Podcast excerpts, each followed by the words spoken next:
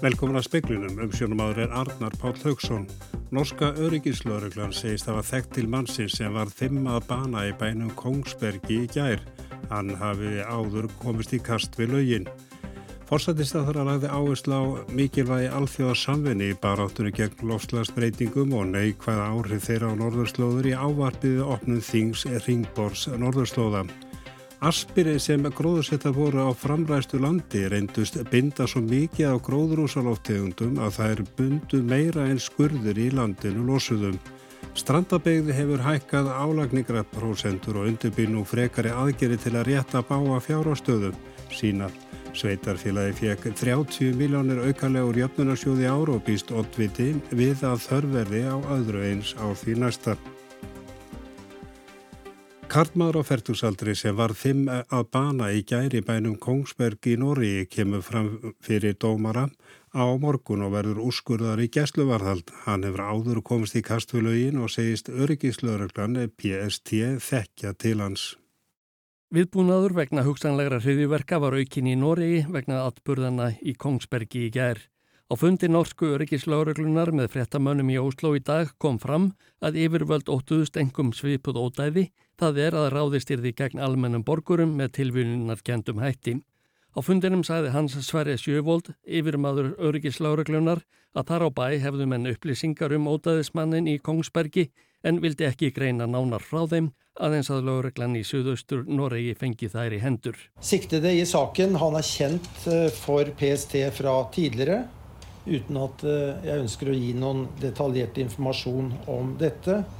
Og det er opplysninger som vi bidrar med til eh, Sør-Øst politidistrikt og de som etterforsker saken der. Norskir fjölmiðlar hafa í dag eftir æskuvinni ódæðismannsins að hann hafi fyrir nokkrum árum látið lauruglun að vita að hann ætti við andlega erfiðleika að stríða og kynni að vera hættulegur. Lauruglan hefði svarað því að hún hefði fulla stjórn á málunum og hann þyrtti ekki að hafa áhyggjur. Annar segir að maðurinn hafi allt frá æsku átt við alvarlega geðræn vandamála stríða og valdi hans nánustu þungum áhyggjum. Áskýr Tómasson sæði frá. Dagur B. Eggersson að borgarstjóri hefur sendið samúðar kveðju fyrir höndur Eikvíkinga til borgarstjóra Kongbergs vegna voðaverksins sem þarf að fara með í gerðkvöld. Hann segis samreikjast fjölskyldum þeirra sem að serðust á fjallu fyrir hendi árásamannsins og öllum íbúum Kongsbergs sem eiga nú um sorta binda.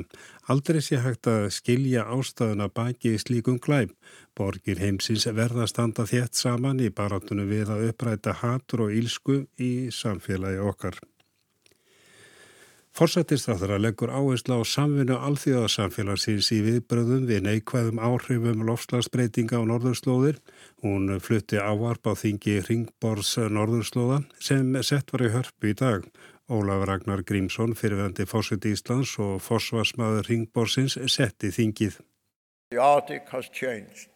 It has moved from being a remote, unknown part of the planet into center stage. Ólafur Ragnar sagði norðurslóðir hafa færst af jæðri heimsmyndarinnar yfir í að leika leikil hlutverk í heimstjórnmálunum, samvinnu ríkja og í loftslagsumræðinni. Hann sagði að það hvernig tiltækist með aðtapnir mannsins á norðurslóðum hafi úrslita áhrif á loftslagsmál allrar jarðarinnar. Hann hvatti alla viðstata til að spyrja viðstata ráðamenn kníjandi spurninga um málefni ráðstefnunar. And the meeting is of special importance to the Arctic region because the unprecedented environmental change taking place in the Arctic and other areas around the globe requires immediate action. Katrín Jakobsdóttir fórsættisráþara áréttaði að loftslagsbreytingar heimsins væri af mannavöldum. Hún lagði þunga áherslu á að gripæð yrði til tafarlausra metnaðarfullra aðgerða gegn loftslagsbreytingum á norðurslóðum. Verði það ekki gert hafið það alvarlegar afleiðingar fyrir vistkerfið, samfélög á norðurslóðum og víðar. Ráðstefnan stendur til sunnundags með þáttöku 1200 þáttakenda frá 50 löndum meðal gesteru Nikora Sturgeon, fyrstir á þeirra Skotlands, Jeppe Kofóð, utanríkisráð þeirra Danmörkur og Jong Mon Choi, aðstóðar utanríkisráð þeirra Suður Kóriðu. Markus Þóraldsson saði frá. Aspir sem gróðursettar hafðu verið á framræstu landi reyndur spinda svo mikið af gróðrúsaloftegundum að þær bundu meira en skurður í landinu losuðum. Skóvikstafræðingur segir að þetta geti verið landegundum kvartning til að gróðursetja treyi framræstu mýrum ef ekki hendar að ráðast í endurheimt votlendis. Brynhildur Bjarnadóttir, skóvist, fræðingur og dósent við Háskólan á Akureyri vann ásamt fleirum að rannsóknarverkefninu Mýrviði sem lítur að því hvort skóur geti vegið upp losun og koltvísýringi frá jarðvegi fram restrar mýrar. Niðurstaðan var kannski nokkuð óvænt. Hún var í rauninni svo að, að það átti sér stað mikil uppsöfnun á kólefni í þessu visskerfi Þetta var 25 ára gammal Aspar skóur sem rannsóknin fór fram í og á þeim tímapunkti í lífsfælli Asparinnar er hún að vaksa mjög hratt og hún var sem sagt bara á miklu flugi þarna ógs hratt og batt þar að leiðandi mikið kólefni þannig að það var sagt, nett og uppsöfnun, talsverð uppsöfnun í þessu kerfi. Hún var sagt, að binda mun meira, ekki bara það sem hún var að binda við í trjána, heldur var hún líka veg upp á móti losuninni sagt, sem var vegna framræslunar og það átti sér stað þá líka uppsöfnun á kólefni í jarðveginu. Brynhildur segir að það að annars vegar mókonu skurðu og endurhymta vótliti og að hins vegar að gróður setja tré séu báðar mjög jákvæðar lofslags aðgerðir. Það eru til svæði þar sem að það hendar einfallega bara langt besta mókun í skurfina og stöðva þannig losunin og það er mjög áhrifarík lofslags aðgerð.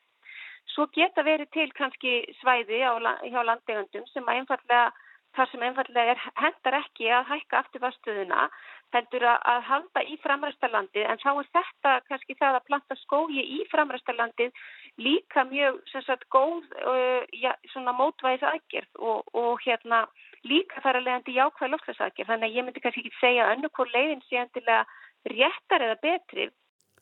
Þetta var Brynhildur Bjarnadóttir, Kristín Sigurðardóttir talaði við hana. Strandabeg grípu nú til aðgera til þess að rétta slæma fjárhastöðu sveitarfélagsins. Það fekk 30 miljóna auka útlutun úr jöfnuna sjóði sveitarfélagi ár og býst ottviti við að þarverði á öðru eins á næsta ári. Jón Gísli Jónsson ottviti í Strandabeg segir fjárhagsvandræðin stafað miklu leiti af tekjumissi í COVID. Þá lækkuðu framlegur jöfnunasjóðir sveitarfélaga sem er stór tekjustopt sveitarfélagsins. Í vor fekk strandabegð auka fjármagn úr sjónum vegna stöðunar með þeim skilirðum að lagst er því endur skipulagningu á fjármálum. Núna erum við bara að vinna af hagræðingum og svolítum endur skipulagningum innan sveitafélsins og, og erum í samræðum við sveitafjörnarráðunitum um frekari stuðning við, henningastuðning við okkur. Hérna. Við, við fengum, fengum hérna 30 miljónir á þessu ári og ég ímynda mér að þurfi annað eins á næsta, að minnstakosti. Fjárhagsáallin gerir ráð fyrir að ánbreytinga er þið rekstrar niðurstaða sveitarfélagsins á næsta ári neikvæðum 47 miljónir króna. Til þess að standast við með eftirleitsnemdar sveitarfélaga þyrti viðsnúningur að vera 53 miljónir sem samsvarar veldu sveitarfélagsins. Þegar hefur álagningaprósent á útsvars og fastegnaskats verið hækkuð tímabundið. Frekari aðgerðir eru til skoðunar þar á meðal samdráttur í þjónustu. Það er líklegt að þurfa að draga eitthvað þjónustu, já. En hvenar teltur að komi svona í ljós fastmóta hvaða verður? Fyrir, fyrir, fyrir núna í, í nógumber og oktober og nógumber. Þetta var Jón Gísli Jónsson, Elsa Maria Guðlús Drífudóttir tók saman. Stjórn Samerja fiskeldis hefur ákveðið að stækka landeldistöð félagsins í auksarfyrði um helming eftir stækkunna er áallega að framleyslan verði 3000 tonn á lags á ári. Áallað er að framkvæmdir hefjist á næstunni en vinna við skipulag er á lokastígi. Framkvæmdum á að ljúka eftir um það byrj eitt ár og er áallaður kostnaður um 1,5 miljardur króna. Verkefni er umfangsmikið og þarf að auka sjótöku, byggja hreinsimannvirki, stóðkerfi og koma fyrir tækjabúnaði. Kerin í nýri eldustöð verðum helmingi stærrað umfangi en þau sem fyrir eru. Samherji hefur keft jörðina þar sem núverandi starfsemi fer fram og einni aðra jörð vestan við stöðina.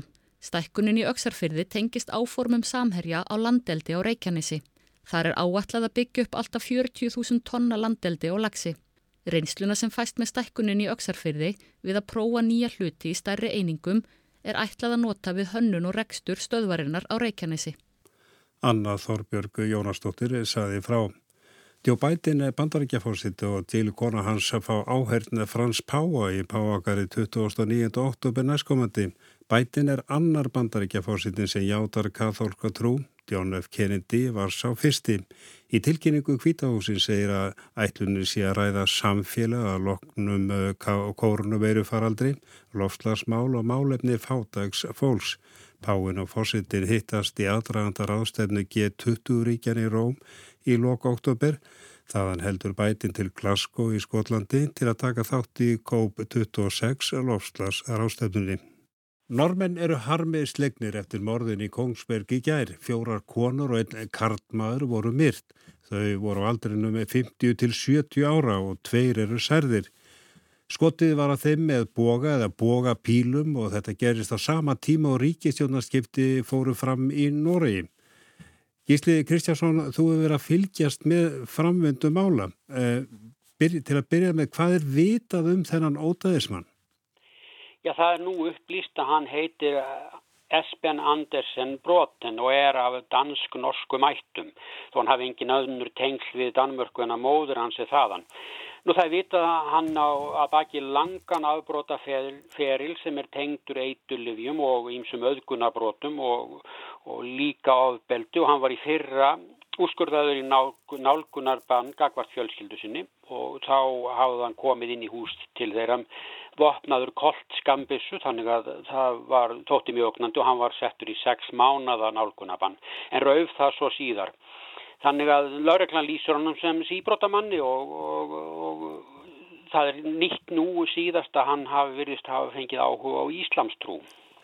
Og það litið á þetta aðtæfi sem hriðiverk og mann spyr sér hvers vegna er það vegna þess að snýrist til ja, ja, Íslam.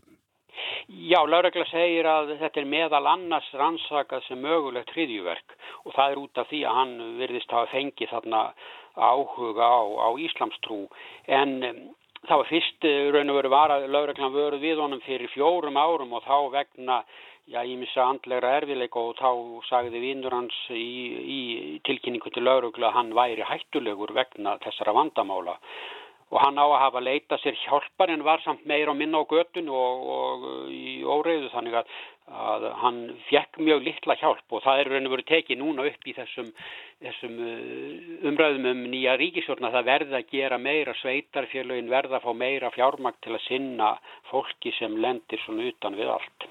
En það vekur óhug að eh, nú kemur ljós að eh, þau sem voru myrt eh, voru myrt eftir að lauruglan var á eftir honum? Já, já, þetta er náttúrulega mál sem verður ansakað mjög ítalega. Nú eftir hriðuverkin 22. júli 2011 þá var ákveði endur skipulegja öll viðbröð, byggja nýja viðbröða miðstöð og breyta öllum eh, reglum um hvernig brúðist er þið við og nú reyndi í raun og veru alvarlega á það en samt eh, virðist það hafa mistekist að það líða já nákvæmlega 29 mínútur frá því að laurugla byrjar á að reyna ná honum og þangar til hann er búin að myrða fimm manns og, og þá loksins næst að yfirbugan. Þannig að þetta verður mál sem að nýr eh, dónsmálaráþara sem heitir Emilí Enger Mél, 28 ára gömul lögumadur og minnfloknum, hún fær þetta inn á sitt borð og er þegar komið með, þetta hvað á að gera, hvernig á að bregðast við þessu að, að þetta virðist hafa farið í handaskólu núna eins og var 2011. En þetta ótaði gerist nákvæmlega á sama tíma sem að ja, ríkisjónarskiptinu fara fram, fóru fram formlega í gær. Já, hvað segir þau um þessa ríkistjórn og já, þetta er verkamannaflokkurinn og miðflokkurinn í minnulhuta stjórn? Já, þetta er stjórn sem að, sem að svona, já, sækir innan miðjunum en töluðu fyrstum eftir kostningar þetta myndi verða meira í vinstri stjórn núna er svona stílin meira í miðjunu þannig að þetta er engin byltingarstjórn og, og það verðist ekki vera svona vikið mjög alvarlega frá fyrir stefnu, hvorki umhverfismálum nýja fjármálum ríkisins almennt og ekki í utanrengismálum, þar er eh, raun og veru flokkarnir á miðjunu og til hægri algjörlega sammála. Nú, sumuleiti þá verist eins og menns reynir núna að snúa aftur vinda ofan af því sem fyrir stjórn átt ára valdatími Ernu Solberg það sem var gert var þá þannig að, að nú á að, að losa það upp sem þá var samin og þannig að þetta lítur svona mikið að byggðamálum og þetta er mjög svona innanríki stjórn hún, hún talaði um að skipta nýju upp fylgjum sem voru sett saman með valdbóði fyrir hálfu öðru ári og og nú að tryggja að það verði sjúkraþjónusta út um all land og það á að hætta að fækka stopnunum og þá endur þess að mentastopnani sem voru lagða nýður og þannig að þetta er svona svolítið að snúa aftur til fyrri tíma. En það verður ekki róblað við aðildina Európska efnaðarsæðinu, var það ekki eitt baráttumál miðflóksins? Jú, það hefur verið stefnumál miðflokksins frá upphafi og að, að uh, Norrjú segði þessi úr evróska efnarsvæðinu og menn myndi fara að semja tvíhliða samninga þar sem menn getur svona fyllt meira ein, einstökum hagsmunum normanna. Úr þessu verður ekki að það er augljóst að, að það er búið að setja núna í stjórnarsáttmálun að þetta mál verði sett í nefnd og það er að meta árangurinn af starfinu til þessa þannig að það þarf alltaf að búast við neinum breytingum. Jónas Garstur hefur sagt að, að þetta sé eins og að tilkynna eiginkonu að, að nú skulum við endur með þetta hjónabandu okkar þannig að hann reiknar ekki með að þetta gerist og uh, það er búið að endur með þetta árið 2012 og þá var nýðustada sérfræðinga að EES væri þið besta mál fyrir Noreg þannig að uh, það er afar ólíklegt að miðflokksmenn nái þarna nokkru fram. En það stutt, já, hvaða flokkar eru tilbúin að styðja þessa minnilhutastjórn? Já, Jónas Garstöri segir að hann muni fyrst leita um stuðning til sósialiska vinstriflokksins og með honum í með sér þá fær hann reynan meirlut á þingi. Þannig að það er fyrst, fyrsta, fyrsta, fyrsti möguleiki. En svo eru sósialiski vinstriflokkuna með mjög harðari stefnu í umhverfismálum og harðari stefnu í atvinnumálum þannig að það er mjög óvíst hvort að þeir ná ná þarna samkómulagi þannig að það getur orðið svo að Jónas verði að leika það sem henn kalla slalom, fara slalom niður brekkuna þarna og, og leita ímis til hægri eða vinstri.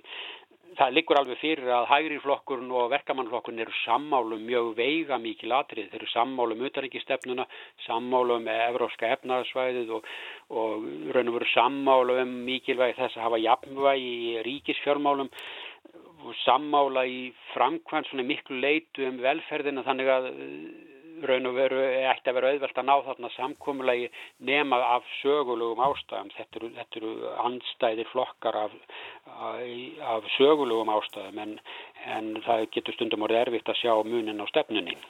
Hér er að ljúka þessu spjalli, Gísli, þakka þér kærlega fyrir.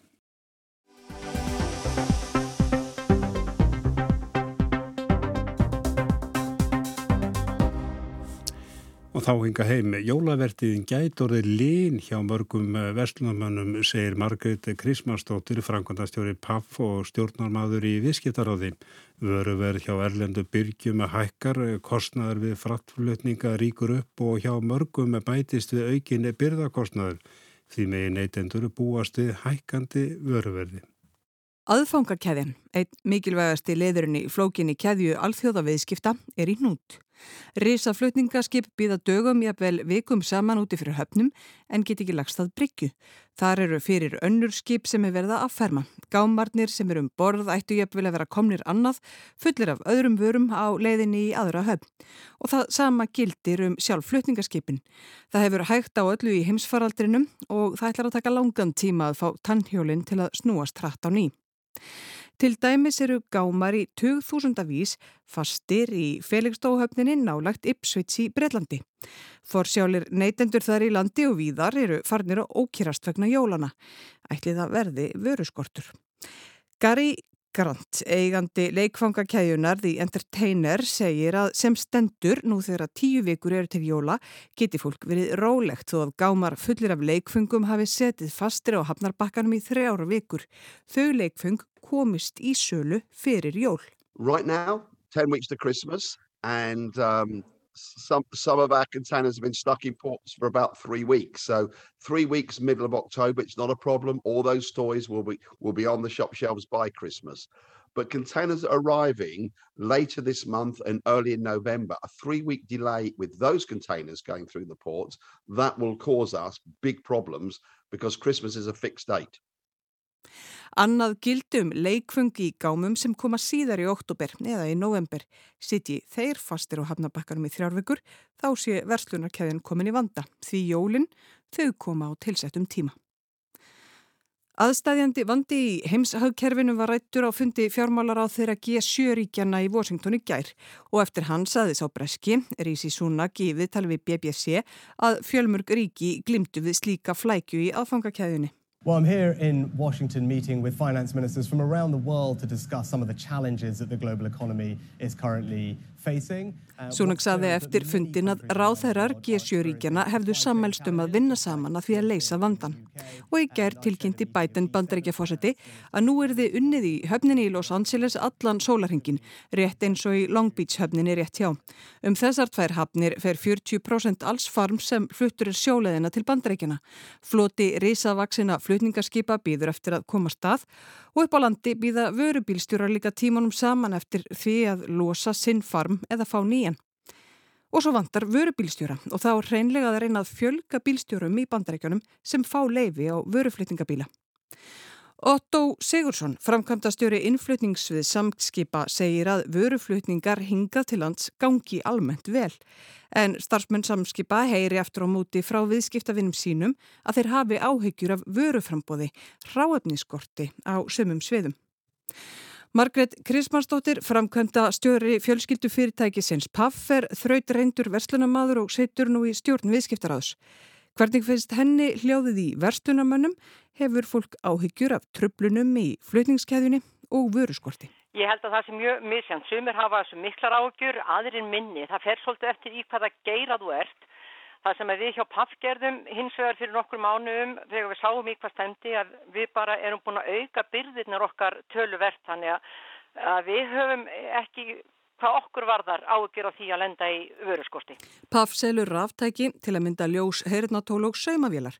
Margret segir að flestar heimsinn saumavélar séu framleitar í Vietnam og á tímabili var allt í lamasassi þar í landi eins og víðar. En nú eiga þau hjá PAF lagur af vörum. Það er öfugt við þróunina undanfæri náru og ára tugi þar sem fyrirtæki hafa keppst við að losa sig við lagar því að stórlagar getur verið fyrirtækjum dýr. Það er alveg rétt hjá þér en við erum nú stönduð fyrirtæki og, og ef þú átt peninga þá farður nú lítið fyrir að, að hafa hann inn, á, inn, inn í bankanum þannig okkar hérna ákverðin var bara svo að það væri betra að setja hann í lagir þannig að ættum vörur ef og þegar fólk kemur til okkar. En fyrirtæki sem ekki er í þeirri stöðu þá hlýtur þetta að að verða aukinn kostnaður og, og smyrjast síðan ofan á, á vöruverðið.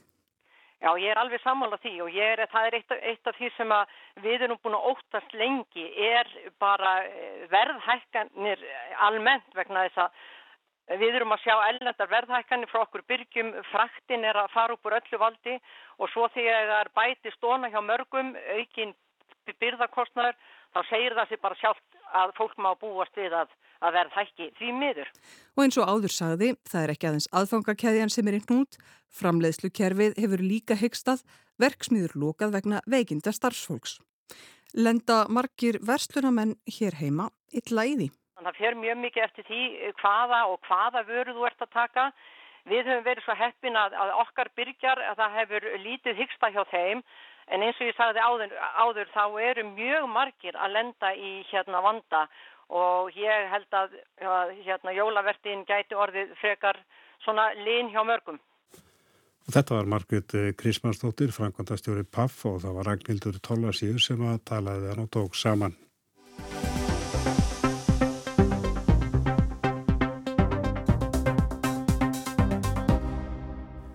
Brexit er aftur á dagskrá í Breitlandi og frá gengni Brexit-kaplinn er sérstök bókunum Norðuríland í útgöngu samningi breyta við Europasambandið nöðsilegu líður til að útganga breyta úr ESB yrða veruleika í fyrra. Málalektir sem Boris Johnson og fórsættisráður þakkaði sér því hann hefði afreikað þar sem að forveri hans Theresa May mísefnaðist. Boris Johnson, fórsætsráþara breyta, kom Brexit í gegn með laust sem Theresa May forveran sagði á sínum tíma að engin breskur fórsætsráþara gæti valið. Það er að skilja Norður Írland eftir í innrimarkaði ESB og draga þannig vöru og þjónustu landamæri milli Norður Írlands og hinna hluta Breitlands. En það sem mei áleit fráleita og ótækalust þetta kljúa landið var Johnson alveg til í. Því hefur lengi verið fleikt að Johnson hafi raunaðin samþygt þetta til að klára útgönguna, koma Brexit frá, síðan ætlað að endursemja um þetta. Dominic Cummings fyrir um ráðgjafi Johnsons, nú ærlega gaggrininn á fyrir húsbóndasinn, týsti í vikunni að jú, alltaf ætlunin að endur sem ég ekki standa við bókunina. Sama fullirti Ian Paisley, þingmaður norðuríska líðræðislega sambandsflokksins í vikunni. Boris Johnson did tell me personally that he would, uh, after agreeing to the protocol, he would sign up to changing that protocol and indeed tearing it up. Boris Johnson hafi sagt sér fyrir tveimur árum fyrir atkvæðagreisluna í breska þinginu um útgöngupakkan að hann myndi taka bókunina aftur upp afskrifana. Þetta er nú rifjað upp því Norður Írlandsbókunin og útfærsla hennar aftur til umræðu. Brettar kynntu afstöðu sína í sumar, breska líkilmálið sangkvæmt bókunni að fyrirkomulag vöru afgreyslu eins og matvæla og livja til og frá Norður Írlandi sí allt og dýrt og þungt í vöfum. ESB hefur nú lagt fram sínar tillögur um norðurísku bókunna, býður mikla einföldun á því fyrirkomulagi eins og Maro Sefcovic var að fórseti framkvæmdastjórnar ESB lísti á bladamannafundi í gær þegar hann kynnti tillögur ESB. So if you are transporting a hundred different food products, only one certificate is needed instead of a hundred. Ef verðið er að flytja hundrað matvælaförur þá þarf ekki hundra leifi heldur aðeins eitt, saði Sæfkovic. Þarna komið til móts við kvartanir, verslunaregenda og framleðenda á Norðurílandi, sagðan. Í Breitlandi heyrist af hverju þetta hafi ekki búðist þegar bókunin var gerð að móti er bent á að brettar hafi talið bókunina segur. Nú telur breskastjórnin hins vegar að bókunin strandi á fleiru en vöruafgreyslu Í viðbót við einfaldari reglur um vöruflutninga til og frá Norðurílandi stendur lögsaga domstóls ESB í bresku stjórninni. En lögsagan er að mati ESB alls ekki útfæslu atriði því ekki til umræðu, heldur óaðskiljanlegur hluti innri markaður ESB sem Norðuríland er hluti af, sangkvæmt bókunni, á þessu nýtti Sæfkovic. We cannot have access uh, to the uh, single market uh, uh, without the, the supervision of the European Court of Justice. Í tillögum breyta frá júli varðandi Norðurílandsbókunna er lögsagan aðeins nefnd í tveimur af 79 greinum. Boris Johnson, fórsætsráþara, nefndi lögsöguna hvorki formóla að tillögunum nýja rættana þá. Tilfinningin í Bryssel og næstu ESB nágrannríkjum breyta er að lögsaga domstólsins sé aðeins bakþangar sem breytar hengi sig í til að tefla öllu á tæpasta vað. Þeir hafa aldrei ætlað að fylgja bókunni aðeins samþyktana til að hespa Brexit af. Nú þurfi ESB að vera við öllu búið. Johnson samþykti norðurísku lausnina eftir að ræða við Líó Varadkar, þá fórsætsráþara Írlands, nú var að fórsætsráþara. Varadkar var í vikunni skekinn þegar það var borð undir hann að breskastjórnin hefði samþygt bókunna en aldrei allad að standa við hana heldur fá henni breytt síðar. Um, make any agreement with the British government. Don't sign any treaty with the United Kingdom uh, until you can be confident that this is a country that can honour its promises. Skilabúðun sem nú bergmála um allan heim hljóta vera þau að gera ekki neitt samning við breskustjórnina, ekki skrifa undir neitt sáttmála við Breitland, fyrir en að vera fullvisum að þetta sé land sem stendur við orðsín, sagði brúnaþungur Varadkar. Og hvað er þá framundan? Breitland vil endursemja ESB, ræða málinn, grundvallar munur þar á.